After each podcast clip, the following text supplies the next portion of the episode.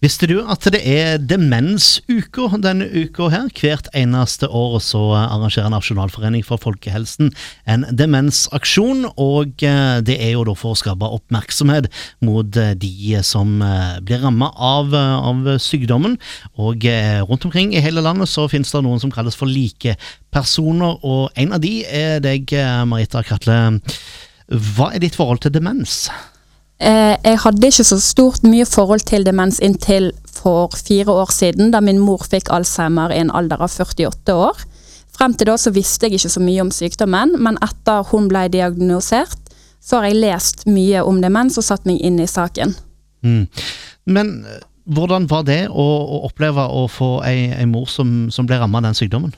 Eh, det var helt grusomt. Når vi først fikk beskjeden, så kom det jo som et stort sjokk. Og tilværelsen ble jo snudd litt på hodet, og vi opplevde jo bl.a. en del rollebytter innad i familien, der mamma trenger mer og mer hjelp. Det er også da demensuka denne uka eh, her, eh, Marita.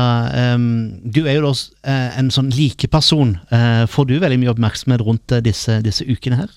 Det blir en del. Jeg har holdt noen foredrag, vært med på et kurs som heter Tid til å være ung, som er for andre unge pårørende, der jeg har holdt et innlegg. Jeg holdt et innlegg i går i Mandal, på en demenskafé, og så skal jeg holde et foredrag på en ungdomsskole i Bergen senere i måneden. For å bare være åpen og bryte ned tabu rundt sykdommen. Ja, og Hva syns du om det at, eh, at Nasjonalforening for folkehelsen eh, arrangerer en sånn type, type uke hvert år?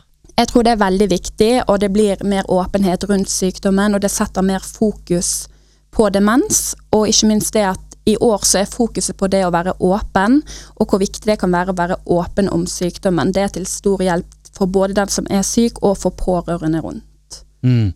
Og Hva tips har du til, til andre som, som, kan risikere da, å enten bli ramma eller, eller oppleve at noen i, i nærmeste familie blir ramma av sykdommen? Eh, det er en veldig vond situasjon, men det som har hjulpet veldig for oss, er jo da å være åpen og snakke om det. Og du kan jo ta kontakt med likepersoner som man finner på Nasjonalforeningen sine sider, der du har mulighet til å snakke med andre pårørende som er i samme situasjon, og du kan dele litt erfaringer underveis.